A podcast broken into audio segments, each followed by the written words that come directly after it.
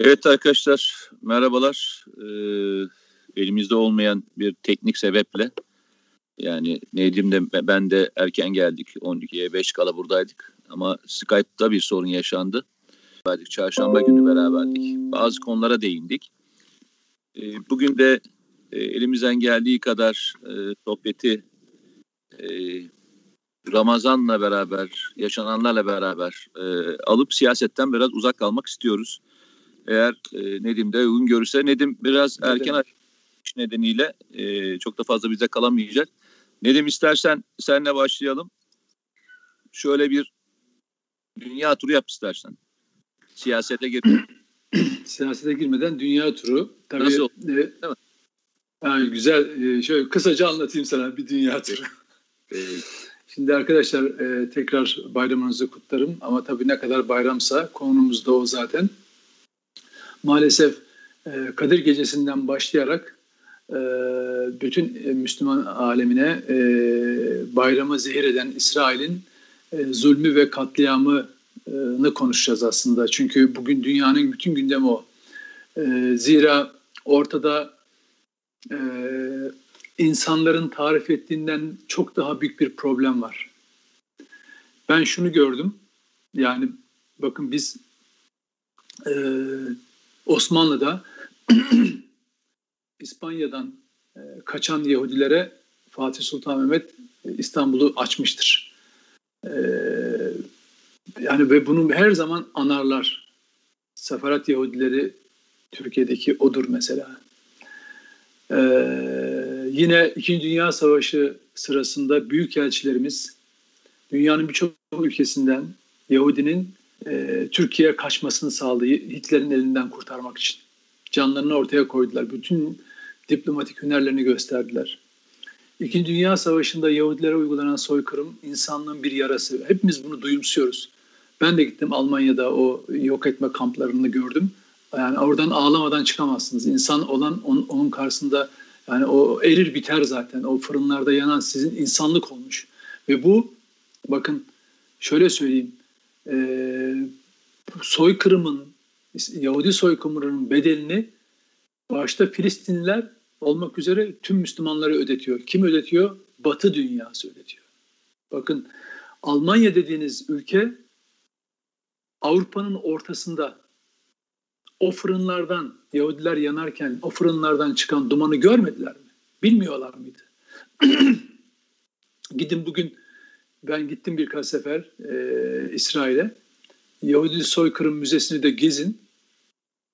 Orada Amerikan keşif uçaklarının e, yok etme kampları, bu konsantrasyon kampları dedikleri kampların havadan çekilmiş fotoğraflarını görürsünüz. Yani Amerikalılar da biliyor. Vatikan da biliyor mesela. Orada mektuplar var. Vatikan da biliyor. Hristiyan mi? Vatikan da biliyor. Dolayısıyla Yahudiler bütün bir insanlığın gözü önünde katledildiler. Ve e, bu bu acıyı bu acıyı kullanışlı hale getiren ve sömüren de maalesef onların torunları oldu. Onların dedeleri, büyük anneleri bir daha böyle bir acı olmasın, ibret alınsın diye belki bu hepsi yaşandı ama bugün torunları e, dedelerinin, büyük annelerin kemiklerini sızlatacak. Ancak ve ancak dedelerini ve babaannelerinin katili olan Hitler ve Naziler, bugünkü Almanya, İtalya, başka Avrupa ülkeleri, buna seyirci kalan Avrupa ülkeleri ne ancak sevindirecek duruma geldiler. Nitekim Avusturya'nın başbakanı başbakanlığın e, üstüne İsrail bayrağı çekmiş. Bir kere de mazlumun yanında olun. Avusturya neresi biliyor musunuz? Avusturya Hitler'in doğduğu yer. Yani ben hiç şaşırmadım.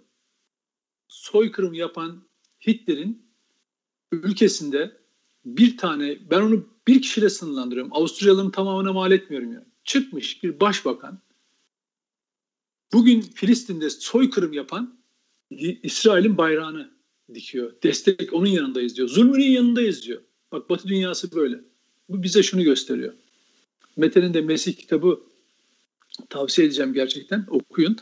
Ee, bu Siyonizmin ne olduğunu bizim topluma öğretmemiz lazım. Biz bunlardan hep uzak durduk. Niye? Çünkü biz ayrıştırıcı, ötekileştirici olmadık. Dedim ya biz Yahudilere kaçan bu ülkeyi işte bugün de Suriyelilere sahip çıkıyoruz. Böyle bir kadim coğrafyadan bahsediyoruz. Böyle bir şerefli ülkeden bahsediyoruz. Din, dil, dil, ırk ayrımı yap, yapılmayan bir ülkeden bahsediyoruz. Ve biz yapmadıkça, biz barış dedikçe birileri bunu başka türlü anlıyor.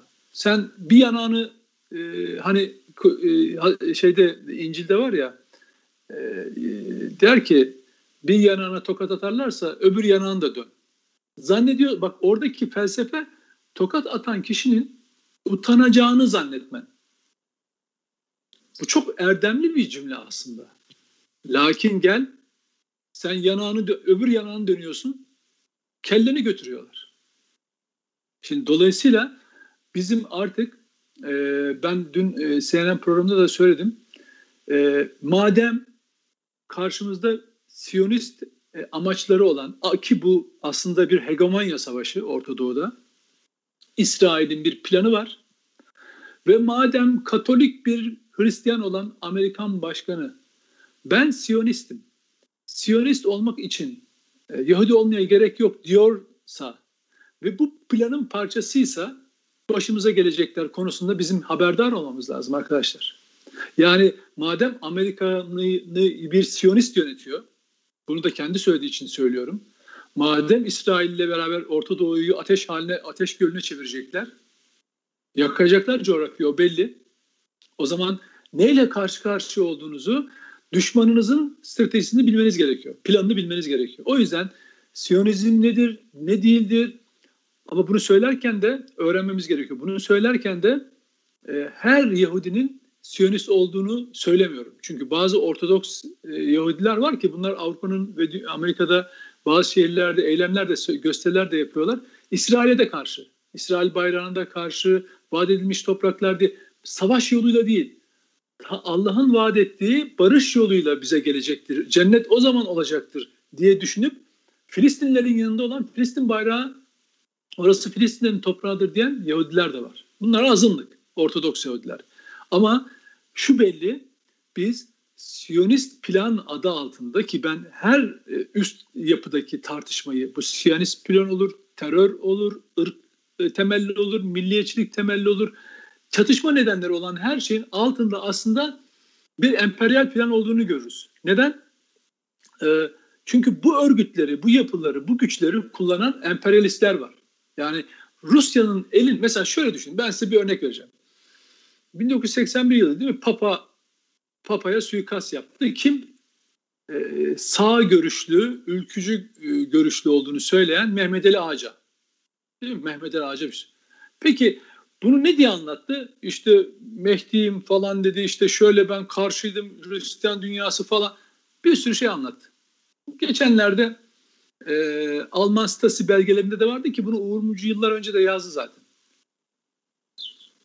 e, Papa'nın Polonyalı olması, Polonya e, Hristiyanlıkla ilgili Polonya'yı ziyaret etmesi, yani Polonyalı olmasının yarattığı etki, kaygı ile Sovyetler Bulgaristan gizli istihbaratıyla e, planlıyorlar ve Mehmet Ali Ağacı'yı kullanıyorlar. Bak dünya, hiç aklınıza gelir mi o günlerde Sovyetlerin bu işin arkasında olacağını, Bulgaristan e, gizli servisinin de parmağı olacağını düşünür müsünüz? İstihbarat operasyonu böyle. Siz sağ görüşlü bir adam bir şey yaptığını görürsünüz ama onun ucu ta başka yerlerden çıkar. O yüzden hani kukla kuklacı benzetmesi yaparlar ya. Şimdi dolayısıyla biz, şimdi bir örnek verdim. Dolayısıyla biz karşımızda bir operasyon demetiyle karşı karşıyayız. Bizim bir Plan neyse, Amerika'nın planları neyse bunu öğreneceğiz. İki, bu bilinci hep diri tutacağız ve ben önerim yani okullarda komşularımızı bizim canlı anlatmamız lazım. Yani Türkiye'nin komşuları şunlar şunlar şunlardır dedi. Kardeşim bunun bir sosyolojisi var. Bunun bir güvenlik boyutu var. Tamam mı? Ekonomik boyutu var. Böyle anlatmanız gerek. İdeoloji boyutu var. Din boyutu var. Yani sen İran, İran hakkında hiçbir şey bilmeden bu coğrafyada nasıl yaşıyorsun? Suriye'de e, hakkında hiçbir şey bilmeden nasıl yaşıyorsun? Nasıl kalabilirsin hayat? Bunlar e, şeyin bazı kitapların içinde yer alan veya devletin kozmik bilgileri olarak duruyor. Hayır kardeşim bak e, İsrail'den gelen videolara bak.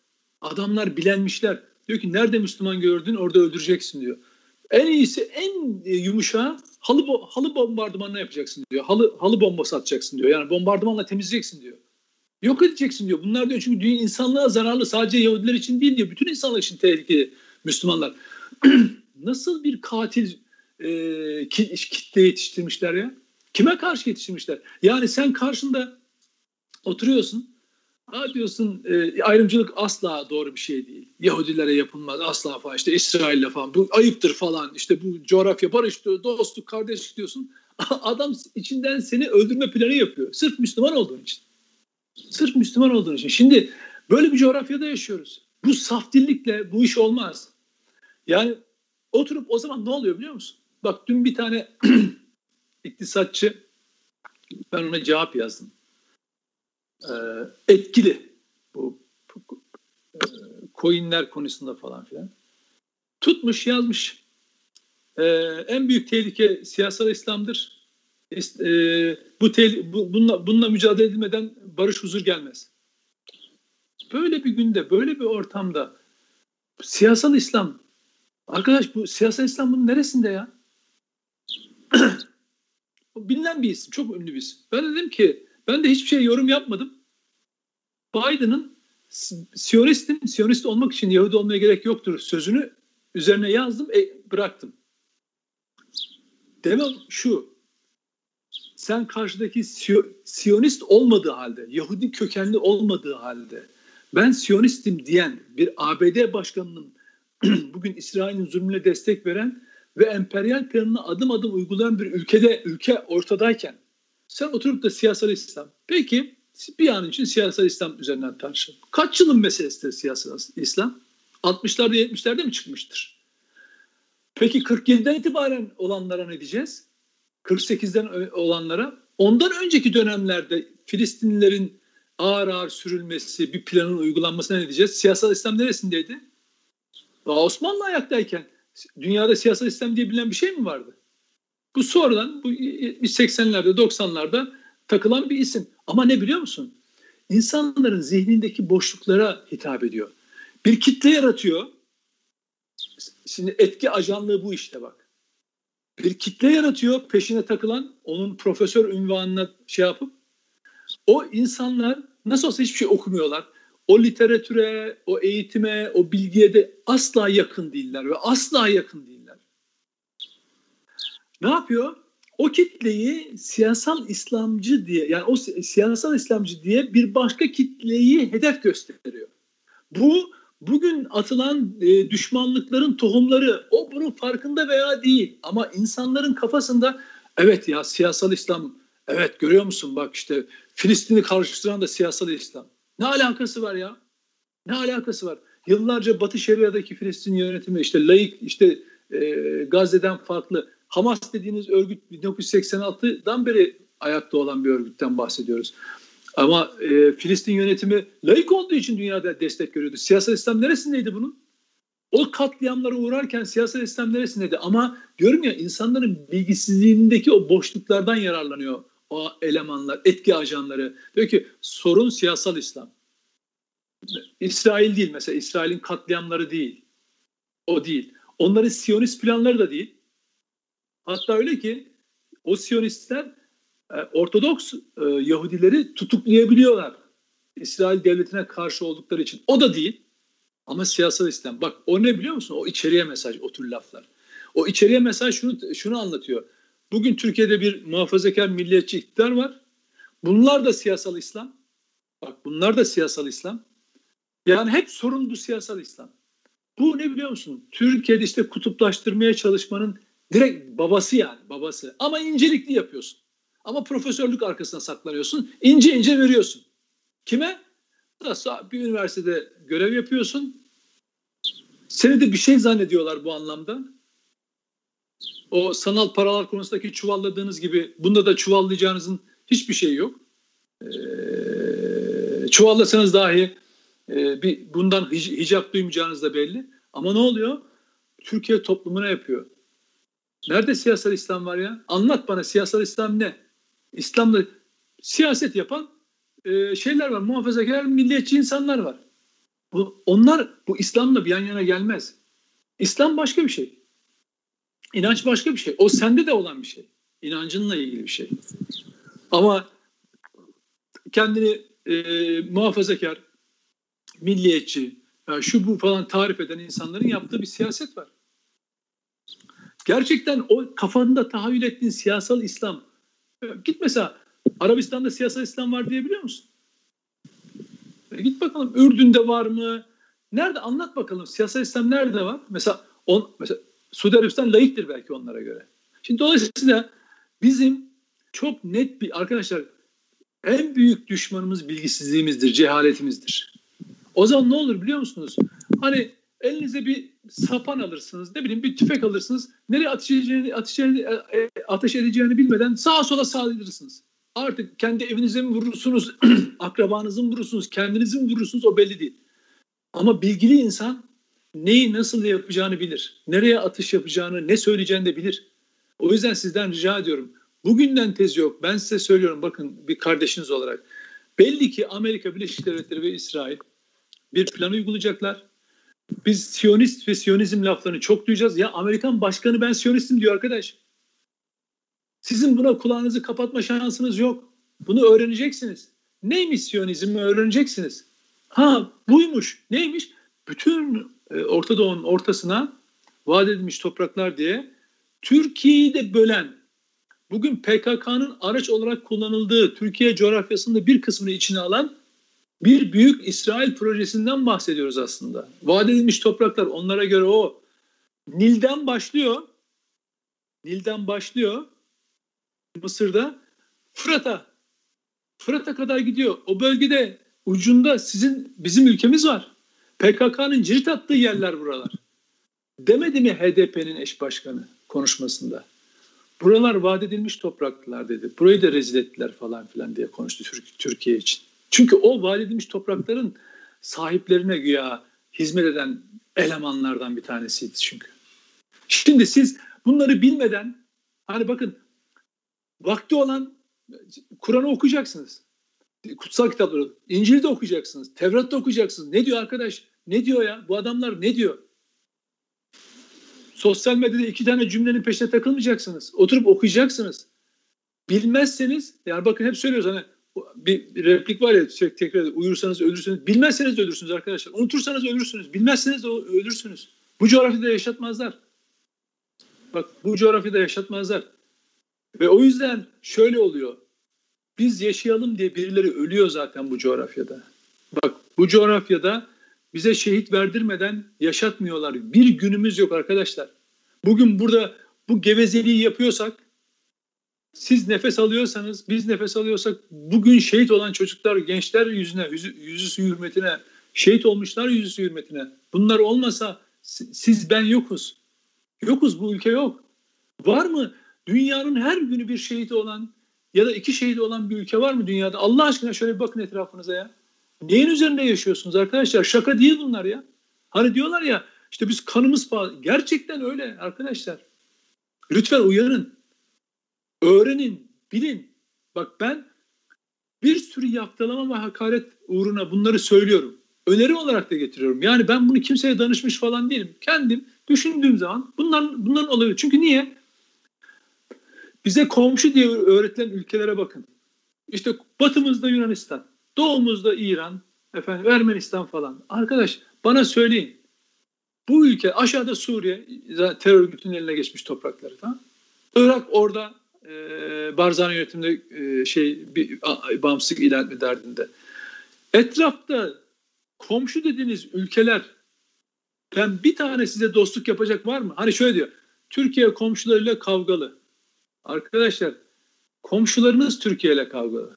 Komşuların bu ülkede şeyi var. Yani şöyle düşünün. Komşunuz sizin camınıza taş atıyor. Komşunuzun kapınızda gözü var. Odanızda gözü var. Çatınızda gözü var. Her yerinizde gözü var. Ve siz bunlarla ilgili şey bilmiyorsunuz. Bilmeden olmaz. Bilen devletin ilgili birimleri elbette çok daha iyisini biliyor. Orada nefes alışlarını da biliyor bu adamlar. Ben toplumsal dirençten bahsediyorum. Çünkü bakın ben şunu yapmaya çalıştım. 2007'den itibaren o zaman cemaat denilen örgütle ilgili anlatmaya çalıştım. 2009'da kitap yazdım. Kendimi ortaya attım. Hiç kimseden talimat almadım. Sadece anlatmaya çalıştım. Böyle bir tehlike geliyor. Ben bunun yargı e, şey ayağında, güvenlik ayağında şeylerini görüyorum. E, uzantılarını görüyorum. Herkes de biliyordu. Ben bilinmeyen bir şey yazmadım. Sadece onların yazmadığını o gün yazdım. Uyarmaya çalıştım.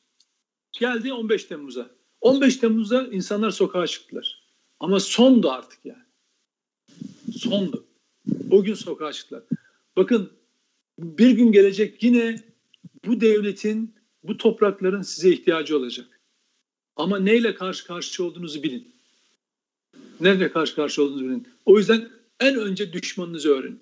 Eğer bugün sizin müttefik dediğiniz e, Amerika Birleşik Devletleri e, size terör örgütlerine destek veriyorsa, e, Orta Doğu'da terör estiren İsrail destek veriyorsa oturup düşünün arkadaşlar. Kim ki Amerika müttefik falan diyorsa şöyle bir durun bakın. Şöyle bir kaşınızı kaldırın.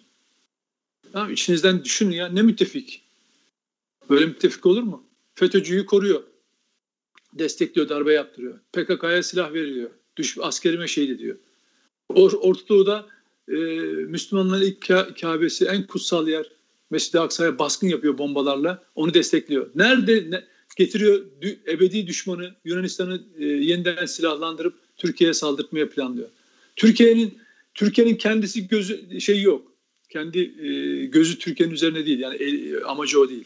Ama ne? etrafında etrafında birçok ajanını harekete geçirmiş. Dolayısıyla Amerika'yı da eğer adam öğrenmezseniz, eğer İsrail'de öğrenmezseniz gelecekte nasıl bir tehlikeyle karşı karşıya olduğunuzu bilemezsiniz arkadaşlar. Nedim seni uğurlayalım. E, hatta seni biraz daha fazla tuttuk içeride. 12.35 oldu. E, sen ayrılıyorsun. E, evet. işin e, ben biraz Teşekkür daha devam ederim, edeceğim. E, ben çok seni özür dilerim biraz seni... heyecanlı şey yaptım. E, böyle Yo, hayır, hayır. Çok özür dilerim yani e, bölmeden ya, şey hayır, yaptım. Hayır. Yok yok öyle hiçbir şey yok ha. Yani seni kesmedim özellikle evet. bütün olarak konuş diye. Çünkü e, şimdi ben konuşacağım. Peki. E, süreyi sana verdik. Teşekkür e, çok, ederim arkadaşlar. Görüşmek e, üzere kendinize iyi bakın. Evet arkadaşlar e, Nedim'i e, gönderdik. E, şimdi biraz da e, benimle e, sohbet edelim. Yani beni dinleyin biraz da. Ya şöyle söyleyelim Nedim çok güzel bir şey söyledi. Ben orada bıraktığı yerden devam edeyim. Aynı şeyleri tekrarlamak istemiyorum. Ee, bilgi çok önemli. Neden bilgi çok önemli? Ee, şurada e, sizin Nedim konuşurken de yazdıklarınızı okuyordum ve e, o konudaki neler düşünüyorsunuz onu anlamaya çalışıyordum.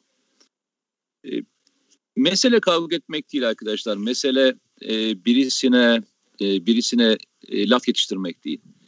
Mesele üretmek, mesele e, çabalamak, mesele gayret etmek, mesele bir ideolojinin olması, mesele bir inancının olması ve bunun içinde çaba sarf etmeniz.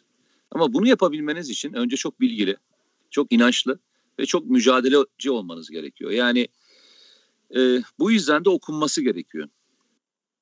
Biz işte demin Nedim dedi ya e, FETÖ'cülerle ilgili ben kitap yazmamın nedeni herkes görmesine rağmen kimse yazmadığı halde yazdık demişti. Evet bu dönem baktığınızda biz de teolog değiliz. Ben bir teolog değilim.